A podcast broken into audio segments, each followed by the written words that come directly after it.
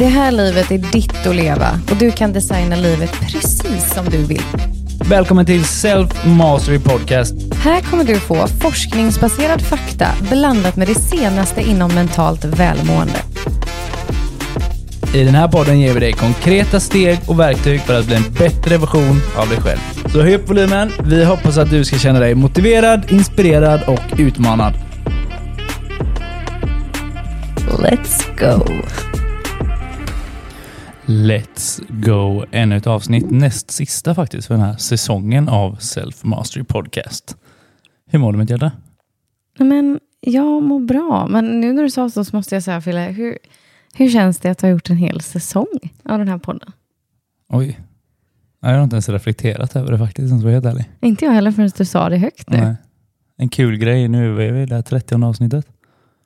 Men är det inte helt otroligt att vi har fått så mycket människor att lyssna på den här podden på bara inom situationstecken 30 avsnitt? Jo. Ja, det är helt coolt alltså. Ja, helt coolt. Helt coolt ja. Ja, men det är verkligen det. ja. Jag är så himla stolt över oss.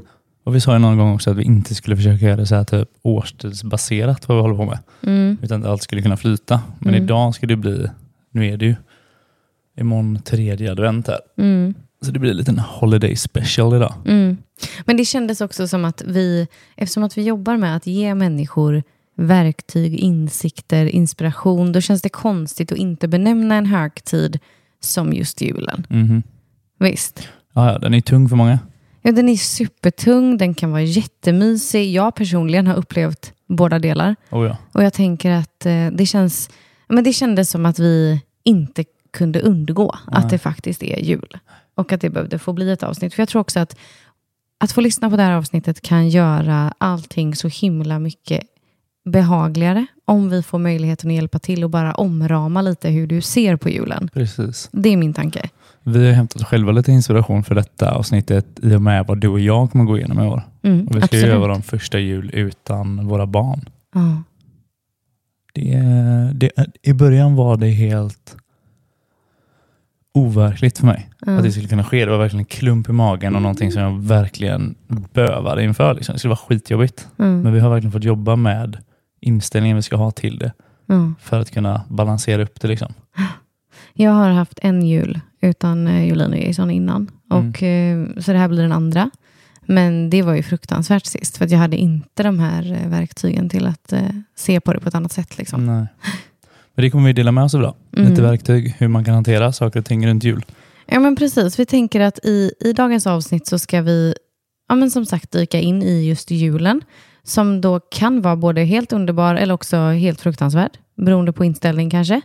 Vi ska ju också ge er tips och verktyg för att lättare hantera stress och press som kan infinna sig här. Och förhoppningsvis också ge er insikter som kan göra hela julen lite behagligare och lite mer på ditt sätt, Mm. tänker jag. För det är nog viktigt när vi går in i det här avsnittet att det finns inga rätt och fel Nej, på vad precis. jul är för någonting. Utan jag tänker att vi ska hjälpa dig som lyssnar att känna så här, vad fan vill jag med julen? Mm. Vad skulle vara fint för mig om det fick vara? Mm. Men innan vi börjar med alla de här fina tipsen, vad, vad, alltså, nu, åh, nu kände jag att vi har ett sånt avsnitt framför oss igen där jag kommer lära mig saker om dig som jag inte visste sen innan. vad fint det är då, eller? Ja. Men jag tänker så här, Fille, hur, alltså, vad, vad känner du generellt kring jul? Liksom? Vad är din så här, personliga inställning overall? Liksom? Den är positiv. Den är någonting som ska vara mysigt. Det ska vara värme, det ska vara kärlek, det ska vara relationer. Ja, för så lät det ju inte när jag skulle julpynta. Nej, men, du, du börjar nu ljudpynta. Alltså, pumporna stod utanför dörren fortfarande och det kom fram tomtar. Ja, Ja, och för alla er som följer oss på Instagram så har jag ju hetsat om att du är grinchen. Och det har ju blivit en sån jävla grej. Och jag vill bara säga att du är grinchen fram till första december. Nej, men det, det är jag inte. Nej, jag gillar inte att jag har fått den stämpeln. Alltså. Jag är inte grinchen. Jag tycker julen är skitmysig, men jag tycker att den kom lite tidigt kanske. Aha. Så. Men Det var nog vem mer fan vill fira halloween i november när, när det liksom är dags för jul snart? Ja. Ja. Är inte i oktober för den halloween? Det var i alla fall så att halloweenen byttes ut sakta men säkert mot jul och du hade lite motstånd. Jag hade motstånd. Ja. Ja. Varför då? För att det, julen har inte ens börjat liksom. Men om jag kan bli en lyckligare wifi och det kan bli mer hemmigt, vad fan är problemet Fille? Jag hängde ju upp julstjärnor överallt Efter mycket om och men. Så kompromissade vi och jag hängde upp julstjärnor. Du hängde upp en julstjärna, du kompromissade. Ja, ja, ja, ja. ja. Ja. Nej, okej, förlåt. Det Vad, här, men vad, vad är julen för dig då? Ja, men jag var nog inte klar med dig. Jag bara Nej, avbröt ju dig för att jävlas. Förlåt. Jag trodde du förlåt. skulle komma undan där. Nej, nej, verkligen inte. Men jag, jag vet ju din inställning nu, men jag tänker, kan du ge mig, take me back, liksom. vad, vad, är, vad har jul varit för dig? Liksom? Hur, hur ser du på det innan vi började med den här omramningen? Typ? Nej, men då är det ju en bild från när man är liten liksom, och vad det var då. Och ja, Vi hade väl mysiga jular här på så sätt, men det var mycket också så här laddat. Alltså Det blir nära med familj under en längre tid. Mycket saker som kommer upp. Mm. Gamla grejer. Jag har ett minne av eh, en julafton när farfar typ drog en stroke mitt i, Oj, mitt i tomtebesöket. oj. Så det satt ändå lite sådana gamla grejer. Och sen i och med när man gick isär, så när jag separerade och man inte hade barnen. Då har jag haft sån här skräck av att jag inte ska ha dem. För Mm. att när jag fick barn, då blev det så här, nej men julen ska vara någonting positivt. Vi hade Mm. ingen bra bild, eller jag hade ingen bra inställning till det överlag. Liksom. Och där skiftade det. För Mm, att jag skulle göra det för dem istället. mm, Att jag ville att det skulle vara mysig tid för dem. mm, Skitsamma vad vi varit med om. mm. Utan nu ska det vara någonting positivt. Mm. Är man ny till, till den här podden och det är första avsnittet man lyssnar på så vill jag passa på att berätta att vi är ju ett par, om man inte vet det. Och vi har ju fyra barn här i huset, men två var biologiskt. Mm. Mm. Så därför så pratar vi om att vi nu då inte ska få fira med dem, för de ska ju vara med sina andra föräldrar, höll jag på att säga. Men, Mm, precis. Och så var med sin mamma och pappa. exakt, exakt. Så det är ju därför, om man Ja. är ny och inte vet eh, att vår familjekonstellation ser ut Mm. så. Ja, men bra förtydliga det. Men vad, vad är julen för dig då? Ja, men idag är jag ju verkligen en riktig husmor när det kommer till djur. Alltså, det är djur. Jul. Jag, jag älskar julen eh, och tycker det är så jäkla mysigt. Men jag har precis samma känsla som du. Jag har upplevt den otroligt mysig som liten. Jag har upplevt den otroligt jobbig som liten. Och jag har sen i vuxen, ung vuxen ålder haft eh, ganska dålig inställning till den. Tyckt att den varit jättejobbig. Eh, och bara liksom någonting jag inte ser fram emot. Vi hade, jag och barnens pappa hade flera år när vi drog utomlands och typ backpackade för att inte vara hemma och fira jul Mm. eh, innan barnen kom. Och eh, sen när de kom, så precis som du säger, så blev det ju så här, okej, jag vill göra min jul för dem liksom, på det sättet som jag önskar att jag skulle få uppleva det som liten, tror jag. Mm. För jag har också mycket så här, eh, det var, jag kommer ihåg hur mycket jag jämförde som liten. Alltså det var, för eftersom att Mm. Med andra mina- familjer då? Ja, exakt. Ja. för jag, jag, eftersom mina föräldrar separerade när jag var jätte- jätteliten så var det också så här varannat år. Och då vet jag att jag tyckte det var så himla jobbigt att uppleva att mina liksom klasskompisar och sånt hade såna här perfekta jular. Du Mm. vet, det var alltid var på samma ställe. Det var alltid liksom samma människor på plats. Det var alltid samma tomte. Nej, men sådär. Och vi hade inte det så. Eh, Jag hade det så varannat år när jag var hos min pappa. Men när jag var hos min mamma så var det alltid lite, lite olika beroende på hur vi gjorde. Och hon gjorde det alltid väldigt, väldigt mysigt. Men det var fortfarande en väldigt stark avsaknad av att det inte var som andra Mm. hade det. Eller som det såg ut på tv eller på film. Eller liksom sådär. Eh, och det kan jag känna, den, den biten får jag kämpa med lite nu också. Eftersom att mina barn får inte heller uppleva den samma varje år. Nej. Men vad var det då i varje respektive hem som var den mysiga känslan idag? Liksom, när du ser tillbaka på det. Mm. Det mysigaste när jag ser tillbaka på det var att min farmor och farfar hade alltid julafton hemma hos sig.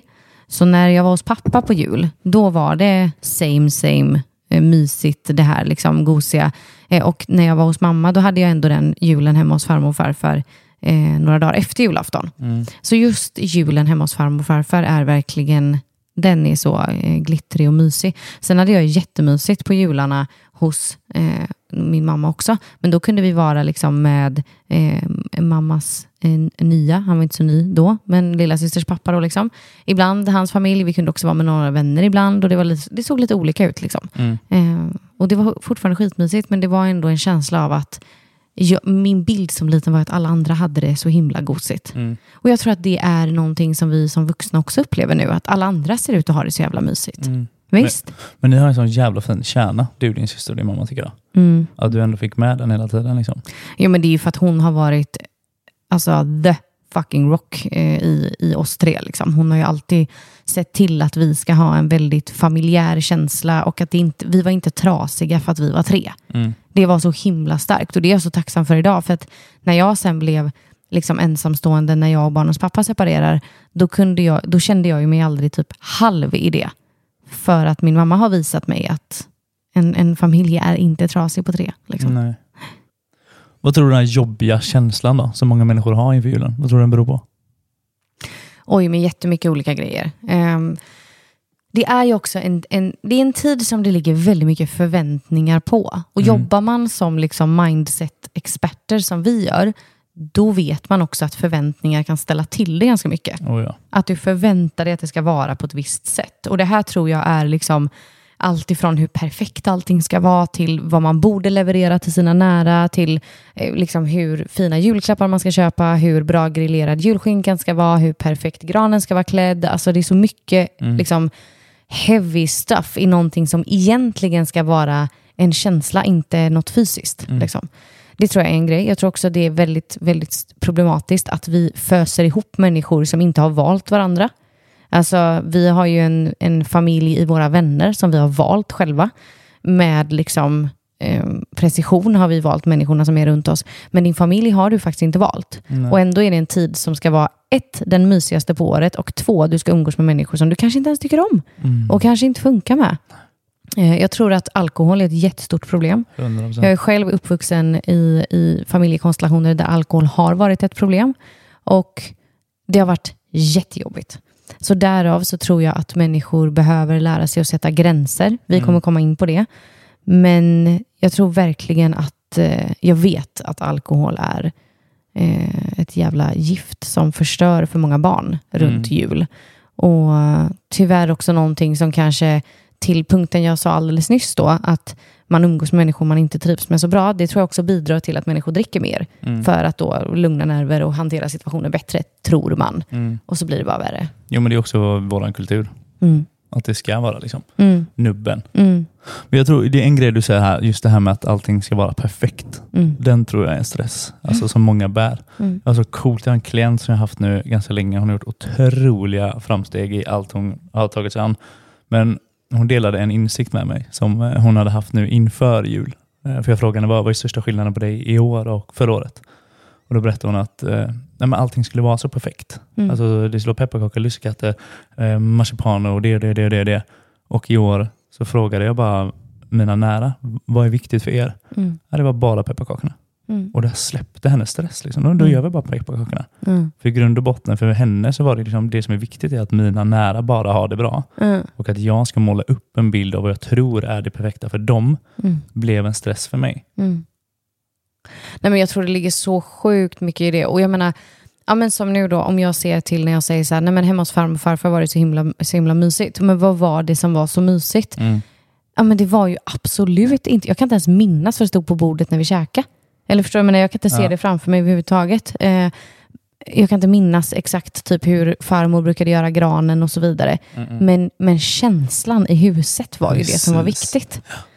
Och jag, jag hoppas att vi med det här avsnittet kan få dig att känna så här, vad vill jag ha av julen? Mm.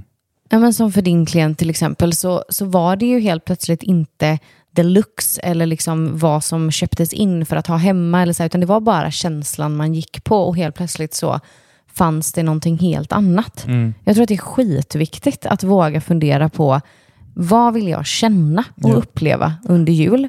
Okej, men jag vill känna värme, jag vill känna liksom, att vi skrattar, att vi har roligt.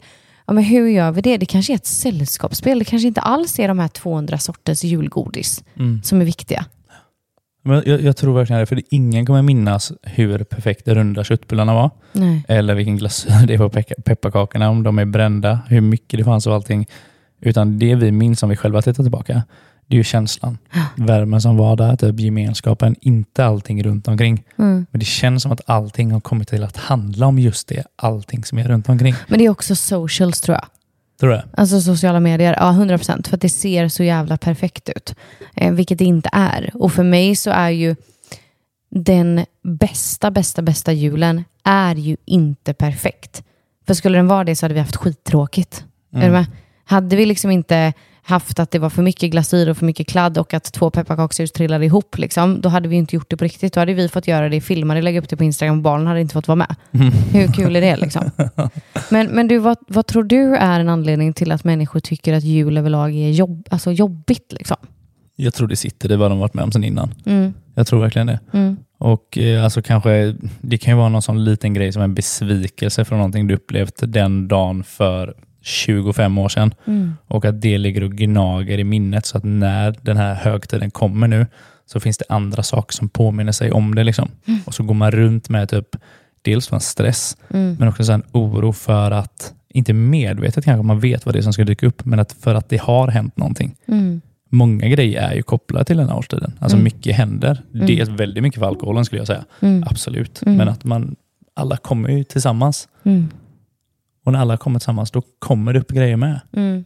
Vet du vad jag tror är en grej som, som är lätt hänt? Vi pratar ju ofta om, eh, och vi har fått jobba jättemycket med själva, så här, hur man blir runt sina föräldrar. Mm, där har vi också en grej. Ja. Ja, för att det är så himla vanligt. Jag gjorde det i flera, flera år. Jag blev liksom mitt 16-åriga jag när Mm. mamma gick in genom dörren. Vilket gjorde att vi inte funkade ihop överhuvudtaget. Mm. Medan nu har jag ju fått skaffa mig en ny relation med henne för den jag är idag. Ja. Eh, och har liksom behövt göra ett medvetet val i det. Det har krävts liksom terapi och det ena med det fjärde också från, för min personliga resa.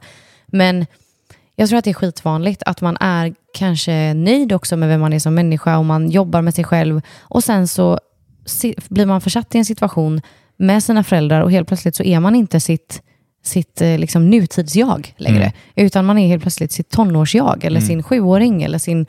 För att man blir också behandlad för den personen man alltid har varit. Precis, den är väldigt viktig att poängtera. Ja, För att du blir behandlad som den personen. ja. Och det här är ju liksom ett overall problem. Alltså jag vet, jag har varit tidsoptimist typ större delen av mitt liv. Eh, och fått äta upp det ganska mycket. Och när jag bestämde mig för i ett coachande syfte att ta bort den sidan hos mig, för den stressar ju mig också, liksom, eh, så gjorde jag det. Men då skulle det alltid kommenteras att jag kom i tid istället. Mm. Så, så det gick liksom, för min familj gick ju från att ha kommenterat att jag alltid var sen till att de istället kommenterade att jag var i tid. Mm. Oj, är du redan här? Det trodde man inte. Alltså sådär. Och då fick jag ju gå in och punktmarkera och bara så här, vet ni vad, jag skulle önska att ni tog mig för den jag är idag och att det inte blev en grej att jag kommer i tid. För att Mm. nu är jag den personen.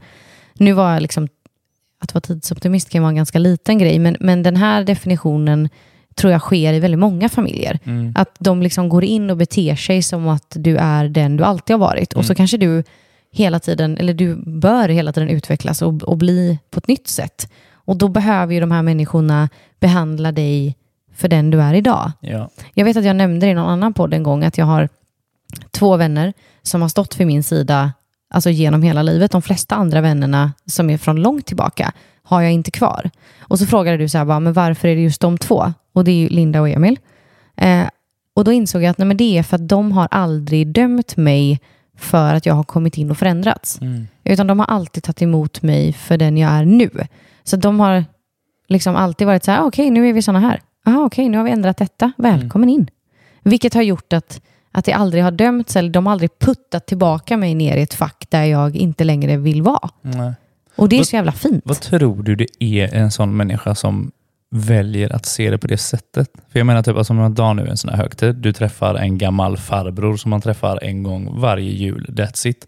Att den människan kanske har samma bild är inte så konstigt för du träffar inte den, du umgås inte med den här.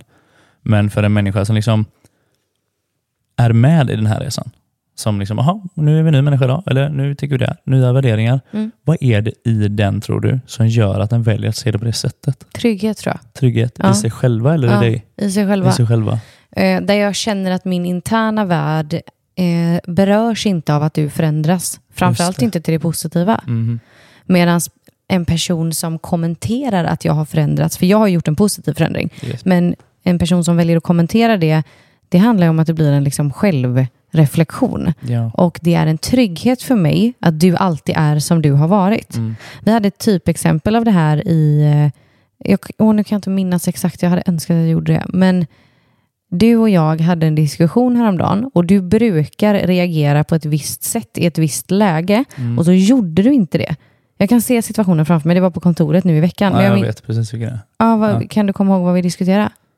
Eh, nej, men jag var ju triggad i någonting, Ja, men helt plötsligt fick jag en förståelse för varför någonting hände i dig. ja, Och då bara dog min känsla ut för att jag, är för, av ren förståelse. Att jag, jag ser vad som hände i dig. ja, Och då var det ingen trigger i mig längre, utan då var det ju någonting som hände i dig och då kunde jag finnas där. ja. Och där bör jag ju rimligtvis bli superglad och supernöjd och bara typ wow. För, Mm. för första gången på riktigt Fille så tog du emot mig som jag vill bli emottagen när jag lägger upp någonting naket. Liksom. När jag Mm. lägger upp någonting som känns jobbigt för mig. Men det kändes inte nice. För jag är inte van vid det. Nej. Så min reaktion blir ju inte så alltså, behaglig och fin och vacker som jag hade önskat, utan Nej. det blir snarare lite obehagligt när du gör som du gjorde. Vad fan gör du nu? Ja, men Ja. exakt, det sa jag ju inte, men, Nej, nej. men jag kände ju så. Mm. Eh, och istället då för att typ säga tack och gud vad jag uppskattar att du behandlar mig på det här sättet i ett sånt här läge som är jobbigt för mig, så blir det ju ett obehag. Mm. Varför då? Jo, för att min hjärna vill att allting ska alltid vara som det har varit, 'cause it wants to survive. Mm. Och allting som jag känner sedan innan får oss att överleva, för det har vi gjort tidigare. Så den behövde ju tid och reflektion för att bara, den här nya reaktionen är vad jag vill ha. Och det är fint och det är behagligt. Men, så det kommer skapa ett obehag i människor när man förändras. Och det är helt naturligt. Och är människor då inte så insiktsfulla och medvetna att de kan förstå att den obehagliga känslan i mig är för att du har gjort en positiv förändring och det är ingen fara, då blir det en argumentation Ja. eller en diskussion eller för att människor inte känner sig safe. Mm. En onödig kommentar eller någonting bara för att Ja. provocera. Liksom. Exakt så. Nu gick vi väldigt deep, men jag hoppas att det var tydligt förklarat. För att Mm. jag, jag, någonstans så vill jag att man ska våga gå in i de här situationerna med en trygghet i att du har rätt att vara vem du vill.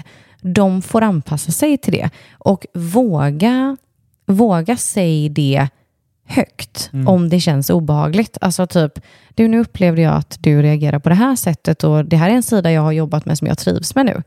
Skulle det vara okej? Och det här kan ju säkert komma i personlighetsförändringar men också typ, du vet, tänk att dyka in på julbordet där du brukar vara i alla år och säga att du har blivit typ vegetarian. Eller att du har typ så slutat dricka alkohol. Mm. Kan ju bli ett jävla liv. Åh fan. Ja? Men Ja. det har inte med dig att göra egentligen. Nej, nej, nej. Så du får sätta- sätta det i relation till den här farbrorn du träffar en gång om året. Mm. Så är det förmodligen han, eller ja, det blir en han eller hon, eller på att säga, men farbror brukar ju generellt vara en han, eh, som behöver se sig själv i spegeln. I den ser hur du är inte den människan som han är van att se dig i. Mm. Och därmed kan det väckas någon form av provokation i honom. Att han behöver dra ur en sån här onödig kommentar eller någonting för att han ser att han själv står fast Mm. och inte växer. Sen är det ju så här, alltså, let's fucking face it. De här personerna, hur mycket du än trivs med din familj, så är ju de här personerna som du kommer behöva umgås med, eller om du nu väljer att göra det den här dagen, det är ju inte människor som är på din frekvens annars. Nej. Det är inte människor som du har valt. Så du kommer ju behöva hålla dig i ett behagligt tillstånd och bara låta det här vara. Mm. Gå in, gör din grej, åk därifrån. Alltså det behöver ju inte vara liksom så att ni blir best friends forever och du kanske inte måste lyfta politik vid bordet. Du kanske inte måste lyfta de här åsikterna som du vet triggar din gamla farmor. Liksom. Du kanske kan hålla det för dig själv och ta det med dina vänner, Mm. till exempel. Tiger guld. Ja men ibland, alltså Ja. verkligen. Och typ fokusera igen på det du tycker är mysigt. Om du kommer fram till att bara, men det mysigaste jag vet är typ att se barnen öppna julklappar, var där. Mm. Var inte ute i köket just när den här diskussionen ter sig. Och jag tror det blir typ också en grej här, att människor lägger fokus på fel saker i de här situationerna. Och Det bidrar också till den här jobbiga känslan. Precis som du säger, så gör det du tycker om. Ge, det gör det, se det, var där som ger dig den här goda känslan på jul. Det som faktiskt är viktigt för dig. Och fokusera inte på den här jobbiga farbrorn då, till exempel. Eller hur det är ansjovis i Johnsons Temptation. Utan fokusera på vad som faktiskt är de bra sakerna med det. Så sänker du den stressen också. Var där och då. Men nu undrar jag ju så här då. Om jag nu verkligen, verkligen inte trivs i den här familjekonstellationen, måste jag fira jul med dem? Nej, Visst? nej det måste du inte. Måste gillar inte jag. Nej, Du behöver inte det. Nej du, men du måste ju ingenting. Nej. Nej. Men jag tror man kan också, det kan också finnas en rädsla för att man blir ensam i det läget med då. Mm. För att det är ju, ofta är det så att man sätter ihop alla familjerna. Det är ju så det är. Man går ihop med sin familj och firar det. Och trivs du då inte med den konstellationen, då kanske det finns en rädsla för att vara ensam istället. Mm. Och den är nog ofta mer skrämmande än att faktiskt gå in och ta dig den jobbiga smällen. Mm. Dels för att ensamheten är oviss. Du vet inte vad den är. Det blir någonting nytt för din hjärna att hantera. Och då är det enklare att gå in och ta någonting jobbigt, alltså något destruktivt, någonting som inte är bra, för att det vet din hjärna vad det är. Mm. Du upplever hellre det än att kasta sig ut i det okända. Liksom. Mm. Jag har faktiskt ett eh, tips överlag om det så att man verkligen känner att bara, men jag trivs inte alls med, eh, med den här eh, konstellationen av att liksom, umgås med min familj. Och det är, jag har ju, Emil som jag nämnde, eh, har flera år, alltså innan han hade sin egen familj och firade jul med dem, så hade han, satte han ihop en jul i den lilla kommunen som vi bodde i när vi var små för eh, människor som inte hade någon att fira med. Det finns ganska mycket sånt här runt om i vårt avlånga land, där man antingen då kan vara en del av en gemenskap, om man inte firar med sin familj, mm eller kan hjälpa till. Alltså vi har ju till och med varit inne på i år att vi ska eh, bistå vid ett soppkök till exempel på julafton just för att vi inte firar med våra barn till exempel. Det finns jättemycket fina organisationer att vända sig till där man kan få göra någonting som betyder något på riktigt.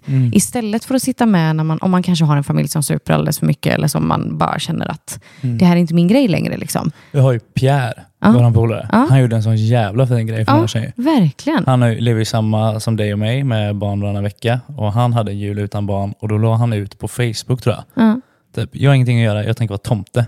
Vem behöver mig? ja. Och så Ja. fick folk swisha va? För, till någon organisation tror Ja, jag. inte till honom, men till en organisation och Ja. det blev ju världens hype på detta. Men det coola med den här historien är ju inte typ, fan fantastisk Pierre är. Dock det är du Pierre, om du hör berätta, du är helt underbar. Pierre. Men vad som hände med honom i detta Ja. är ju typ den glädjen och euforin som han fick uppleva i att bara ge.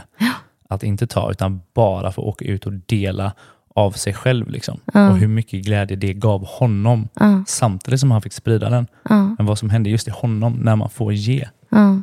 Jo men så verkligen, och jag tycker så här, de här, båda de här historierna är så himla fina, både Emils och Pierres såklart, men att typ om du inte ska göra vad du tror att du behöver, måste, vad skulle du vilja göra då? Mm. Våga känna in på det. Liksom. Du kanske säger, nej men gud jag skulle vilja ta in på ett hotell och bo på spa själv och inte fira jul alls, typ, bara ligga och kolla på film. Gör det. Mm. Men jag skulle vilja bistå till någon organisation där folk behöver mig på jul. Gör det. Jag skulle vilja fira med med min familj, men jag mår ganska dåligt i den konstellationen, så jag tänker åka dit, vara där en timme och sen tänker jag kolla med mina andra två polare som också känner samma sak, om vi kan ses på kvällen. Alltså gör något nytt. Ja, För att få liksom ett resultat som du inte har haft innan så behöver du göra någonting du inte har gjort innan. precis. Och vad skulle det kunna vara?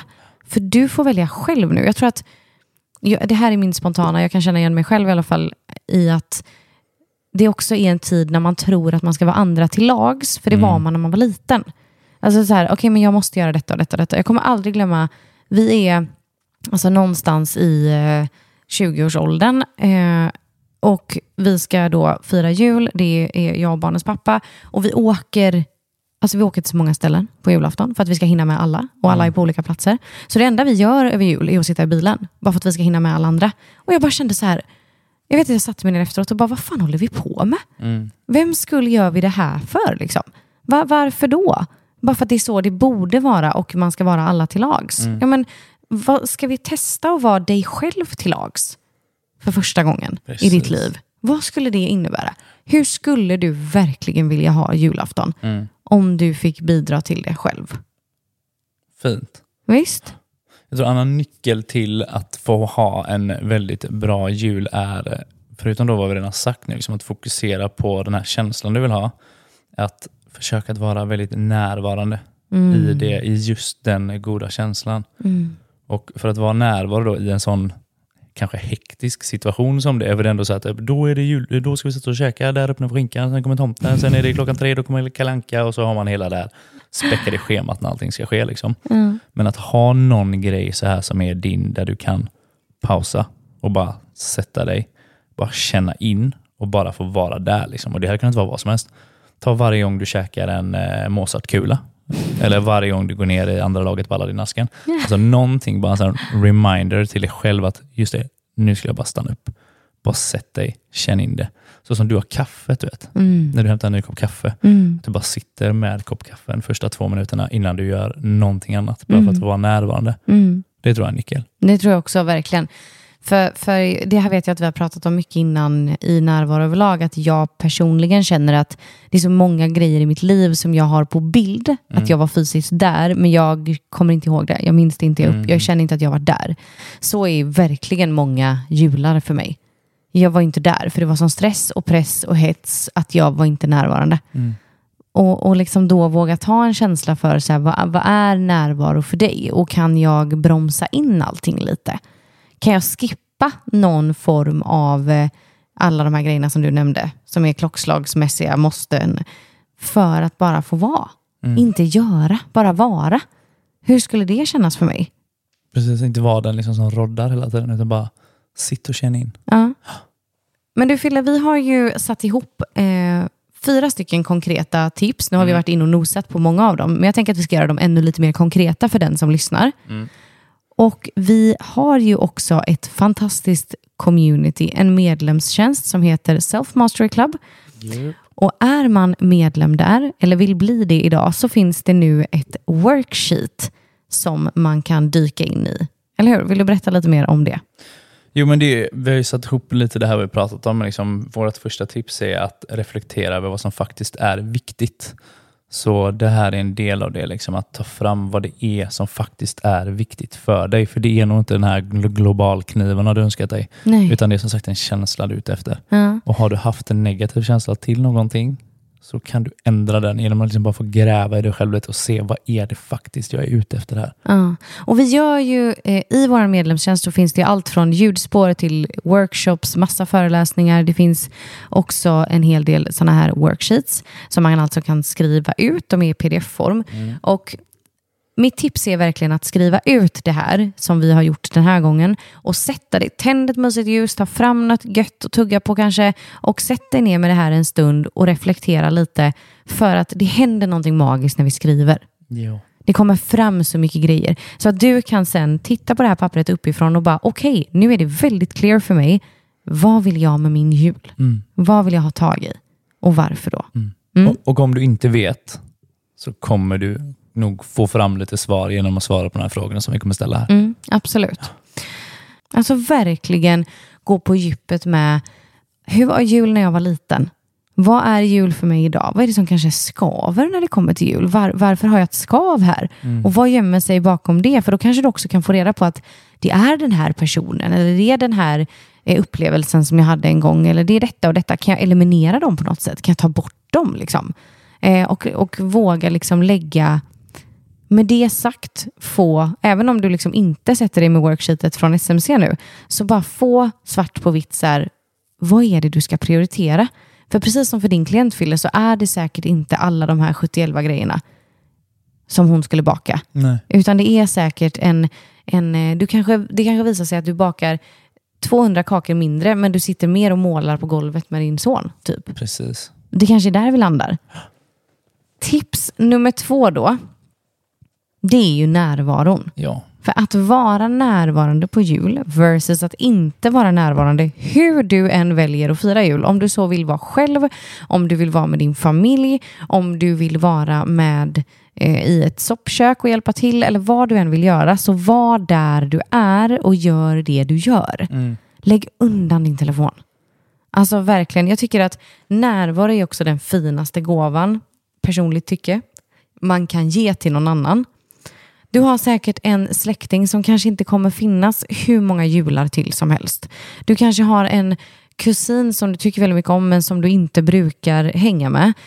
Vad skulle hända om du satte dig ner och verkligen såg den här personen i ögonen och gav den personen 15 minuter? Hur har din höst varit? Hur mår du? Alltså att se in i någon annans ögon och ge dem det. Det är ju så sjukt fint, eller? Mm, det är det. Jag tror också så att det är för människor som, om det här är en jobbig tid för och du kanske är i en konstellation där du faktiskt inte vill vara, men du bara är för att det är så det ska vara. Jag lovar dig att det finns någon här som du har lite mer kärlek till. Mm. Vad hade hänt om du la fokuset på den personen? Mm. Och på dig själv framförallt. Mm. Men istället för att gå och vänta här mellan julskinkan och kalanka och du, har, och du har liksom en dödtid och du bara sitter och scrollar på telefonen och bara vill att tiden ska gå för du vill härifrån. Hitta den personen då. Mm. Ge den lite extra Mm. just den här dagen liksom. Mm. och se vad som hade hänt. Och när du lyssnar på det här nu så tänker du garanterat redan på en person som, som är lite extra för dig. Så vad skönt, då har vi redan precis rätt ut vem det är Mm. du ska ge lite kärlek. När du, Och är ni inte är där, ring dem. ja. Skriv någonting. Mm.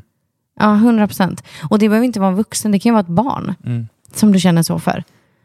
Alltså barn är ju, gud vad det är det finaste de kan få, att vi är närvarande. Ja. När vi slår oss ner på golvet typ och bara, ska vi bygga den där legogubben? Och man ser hur de här tindrande ögonen bara, har du tid för mig? ja, typ. precis. Jättefint, verkligen. Tips nummer tre då. Mm. Det är ju att ha rätt mindset. Och det här blir så himla spännande när man ser till... Vi har ju verkligen behövt tips nummer tre själva den här julen. Mhm. För att vi bör inledde liksom december med att vara, jag skulle ändå vilja påstå för att vara vi, Fille, lite gnälliga över att vi inte skulle ha barnen. Eh, och vi kände liksom så här typ, ja, nej, och det fanns ju tillfällen när båda två vart så här typ, mi, mi, mi, mi, vi ska inte fira jul på julafton, typ, ja, så.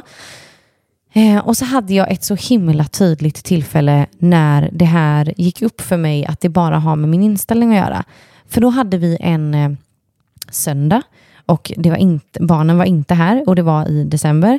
Och eh, jag varit lite så här låg för att jag kände typ att nu håller inom situationstecken alla andra på julmyser med sina barn och du och jag är själva hemma och det blir inte alls på samma sätt för att vi har ingen att bygga pepparkakshus med typ bla bla. Och sen så eh, ringde jag till min bästa vän och pratade med henne och då hade hon precis samma känsla. Eh, Men hennes känsla var baserad på att hon lever inte i en relation.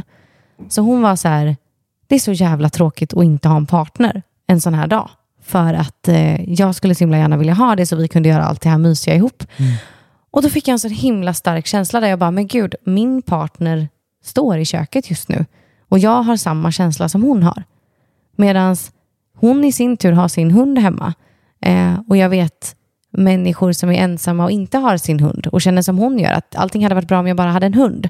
Allting hade varit bra om jag bara hade en partner. Allting hade varit bra om barnen bara var hemma. Allting hade varit bra om barnen bara bodde här på heltid. Alltså det är så mycket om det bara vore. Men vad skulle hända om du tog tillfället i akt och gjorde med det du har? Precis. Fokusera på vad du har istället för vad du inte har. Så jag fick ju en sån wow-upplevelse i telefon med henne och fick så här, när vi hade lagt på så fick jag ju bara typ, du girl, kom hit så ska vi julmysa. Och så, så gick jag in till dig och bara typ, men vi kan göra det här bara vi två. Även om barnen inte är här. Och det blev verkligen en upplevelse att det sitter ju i min egen inställning hur jag vill se på det här. Mm. Så nu har ju vi verkligen julmyst fast att de inte har varit hemma. För att vi vill. Ja, precis. För att vår inställning är där. Så kort sagt, ha rätt inställning. Inställningen du har till utmaningen du står inför kommer påverka ditt resultat. Mm. Kan du känna själv att din inställning har varit bra genom tiden, liksom, när det kommer till jul? Nej, det kan jag inte. Nej, Svar nej. Mm, kort. Nej, men den, den blev bra när barnen kom in. Mm. För då gjorde jag det för någon, eller det vet man själv när man får barn. Alltså, vad händer då? Jo, du blir för det första gången i ditt liv sårbar och någon är viktigare än vad du själv är. Mm. Och då att behöva ändra det för dem Mm. och inte för mig själv. Då blev det så tydligt hur faktiskt, när jag skiftade min inställning Mm. och hur jag betedde mig, vad jag sa, vad jag gjorde. Då blev det en annan grej. Liksom. Men vad skulle du säga till någon som lyssnar som inte har barn? Som har en dålig inställning till det för att man känner att man är själv eller man känner, vad skulle du säga till en sån person att de ska göra och tänka? Vi kan inte ha som råd, tänker jag, bara skaffa barn så blir det bra. Väldigt fin julklapp annars. Aha, nej. Nej men till dig skulle jag nog vilja säga så här. Alltså, du har redan varit inne lite på det. Vi väljer inte vår familj. Men du väljer däremot din umgängeskrets. Mm. Och om det nu är så att, liksom att man är med sin familj på jul, om man inte tycker om dem och det är kämpigt, typ, åk dit då. Checka av det. Käka lite skinka, kolla Kalle Anka och sen åk till dina nära. Mm. Alltså dina vänner, människorna du har valt, människorna som ger dig ett utbyte, människorna som betyder någonting för dig.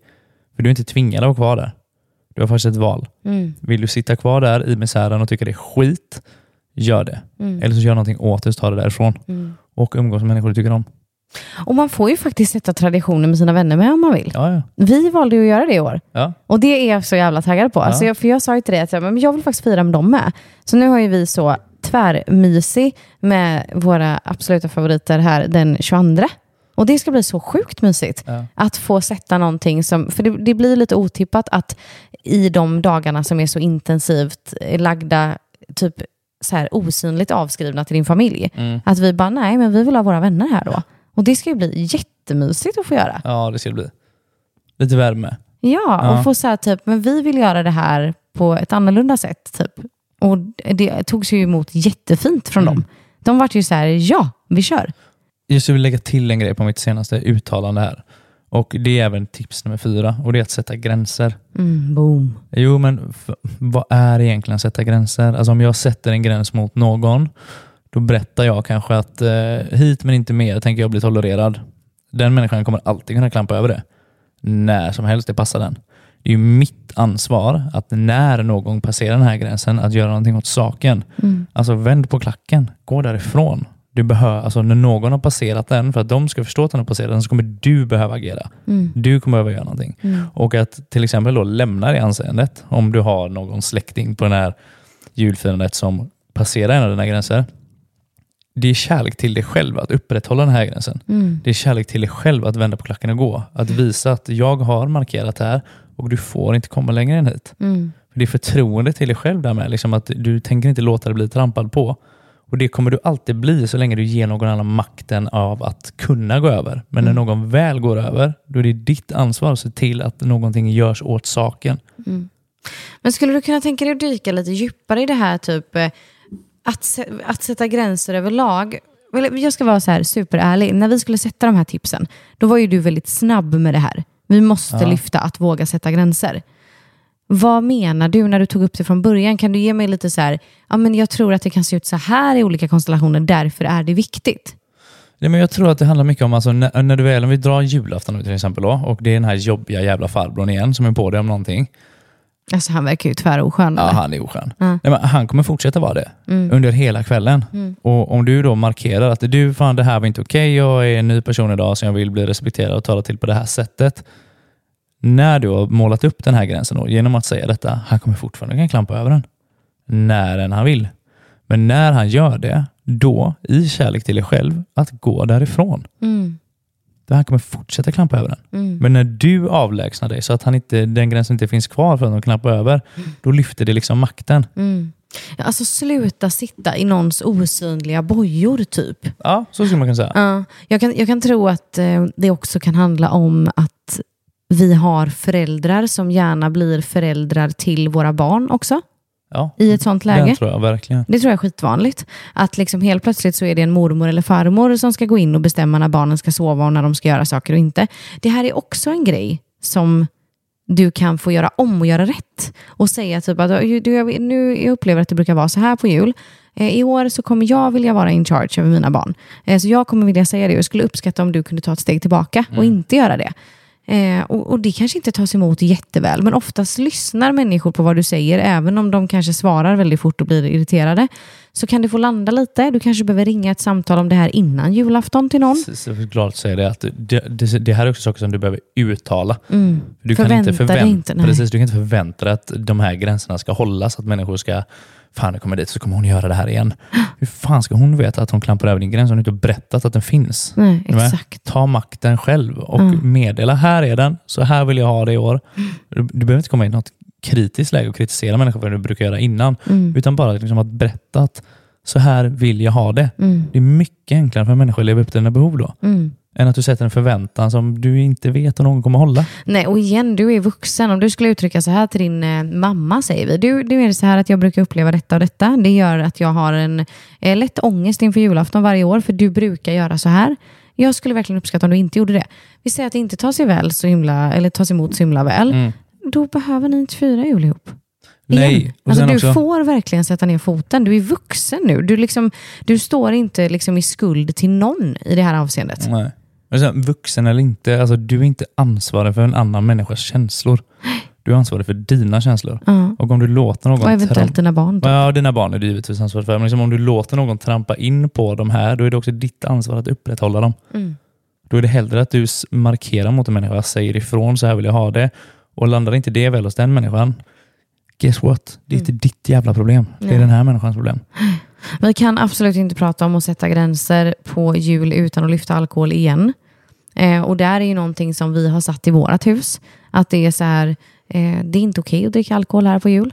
Och eh, passar inte det så kan man fira jul någon annanstans. Mm. Och det är också någonting som du har som vuxen rätt att sätta. Ja. Du har också rätt att säga typ i vissa konstellationer att vi kommer, eh, ja nej men jag är fine med att folk dricker julöl men vi kommer inte acceptera att folk dricker nubbe, säger vi. Alltså det är så många barn som far illa på jul. Och julen har verkligen ingenting med den jävla snapsen att göra. Nej. Alltså please, kan vi komma till den här insikten? Mm. Jag känner typ att det är min Alltså att det är min plikt som människa på jorden med en så här stor podd att uttrycka det här. Ge fan i er jävla sprit, vad håller ni på med? Mm. Det är barnens jul liksom. Och jag, jag säger det nu som ett barn som har upplevt när folk är för fulla. Och jag säger det också som en vuxen som har sett mi, mina barn uppleva människor för fulla. Så get your fucking shit together liksom. Det är inte okej. Och om du befinner dig i konstellationer där du ständigt ska ont i magen för att folk antagligen dricker för mycket, ta dig själv och dina barn därifrån. Mm. Ja, fy fan alltså. Och är du personen i fråga som dricker för mycket så finns det hjälp att få. Definitivt. Och sen med, liksom, många gånger handlar det ofta om att döva vad du känner. Mm. Att inte behöva känna. Att kunna stå ut med den här eländiga jävla högtiden. Mm. Du kan göra så.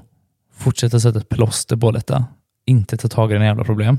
Och då kommer det också för alltid bli så här. Du kommer Mm. inte få något nytt, nytt resultat när du upprepar samma beteende hela tiden. Du kommer behöva gräva ner i skiten och ta tag i det. Mm. Om du vill bli av med det. Och, alltså precis som du säger, vi, vi vet, vi känner, vi har människor liksom, som vi bryr oss jättemycket om som har suttit eller sitter i detta. Och det finns ju någonting där bakom. Mm. Det är ju en anledning till att det dricks. Liksom. Ja. Och det behöver verkligen finnas en respekt för det, men också så här, våga vända dig emot det. Vad är det egentligen som gör att det blir så viktigt? Om du är en av de här personerna, vad är det som gör att det blir så viktigt runt just jul? Nej, men det är ju den här personen. Tänk om, tänk om du skulle kunna sätta lite gränser och sen visar det sig att alkoholen behövs inte. Vad fint. ja, helt fantastiskt. Var jag för hård eller? Nej, nej, jag tycker vi ska på det. Vi, vi kan väl också ärligt säga här att det kommer komma ett avsnitt om alkohol i nästa år, i 2024. Ja. Där vi berättar lite mer vad det faktiskt är och vad det gör med kroppen. För att i ärlighetens namn, hade alkohol uppfunnits idag, då hade det inte varit någon laglig substans. För det förstör liv och familjer. Ja, det gör verkligen det. Ja, men det gör verkligen det. Och jag, jag tycker att det är... Det hade inte kunnat finnas ett avsnitt om det här nu utan att vi fick nämna detta. Mm. Det går liksom inte för mig. Nej. Och sen menar inte vi att vi sitter här och kastar sten i glashus. Så vi har tagit jag har druckit mycket alkohol med dagen. Jag har haft jättemånga fyllor. Jag har haft skitkul på alkohol. Jag har haft jättepositiva händelser till det med. Men med måtta. Och det händer faktiskt saker i våra kroppar när vi får i oss den här skiten. Mm. Men vi ska inte dyka ner in i Nej, det vi hålet nu, för vi det, ska göra ett avsnitt om det istället. Men, men fortfarande så här, jag ville bara typ slå ett slag för det kring, eh, kring jul överlag. Mm, absolut. Men för att eh, sammanfatta lite dagens avsnitt här då. Ni har fått fyra tips av oss. Att, tips nummer ett, att reflektera över vad som faktiskt är viktigt i den här högtiden. Vad är det du behöver ha ut här liksom? Mm. Tips nummer två, närvaro. Och sätt någon liten påminnelse till dig själv. Någon liten påminnelse som att liksom, just det, jag ska ju bara känna in och bara vara här. Mm. Tips nummer tre, ha rätt mindset. Alltså inställningen du har till utmaningen framför dig kommer att avgöra resultatet. Och tips nummer fyra, sätt gränser. Och när du sätter gränser så är det ditt jobb att upprätthålla dem. Mm. Vad fint eller? Jättefint tycker jag. Ja, jag hoppas verkligen att du som lyssnar som vanligt nu tar en liten fundering kring Okej, vad var det i mig som rördes upp under det här avsnittet? För det är de delarna du kommer behöva titta på. Vad var det i mig som kändes väldigt mycket? Och vad vill jag nu göra med det här avsnittet som jag precis har lyssnat av? Vad vill jag göra av det? Kanske behöver du nu när du lyssnar på det plocka upp din telefon och faktiskt eh, skriva ner lite grejer. Jag behöver ringa den här personen. Mm. Jag behöver skriva ut, eh, jag behöver bli medlem i SMC och skriva ut den här worksheetet så att jag får gå igenom de här frågorna. Nej men vad vet jag, vad vill du göra med det du nu gjorde? För det är så lätt hänt att vi konsumerar och konsumerar eh, olika poddar och böcker i personlig utveckling, men så blir det väldigt lite gjort. Så därför vill jag verkligen uttrycka, gör någonting med det du nu hörde. Och var det så att du eh, verkligen uppskattade det här avsnittet så skulle vi bli superglada om du ville dela det i dina sociala medier och kanske skicka det till en vän som kan behöva höra just det här i juletid. Ja. Du, jag hade tänkt att det här skulle vara sista avsnittet för säsongen, men sen när vi satt och pratade häromdagen så sa vi att vi kan ju inte vara de vi är och inte göra ett eh, nyårsavsnitt. Nej, det kommer ett till. Så därför kommer det ett till. Och det ska ju bli jättekul att få släppa det. Så tills dess så önskar vi er Åh nej, lyssna nu Fille. Ja, jag hör, jag hörde Från oss alla till er alla en, En riktigt, god jul. Tack för att ni har lyssnat.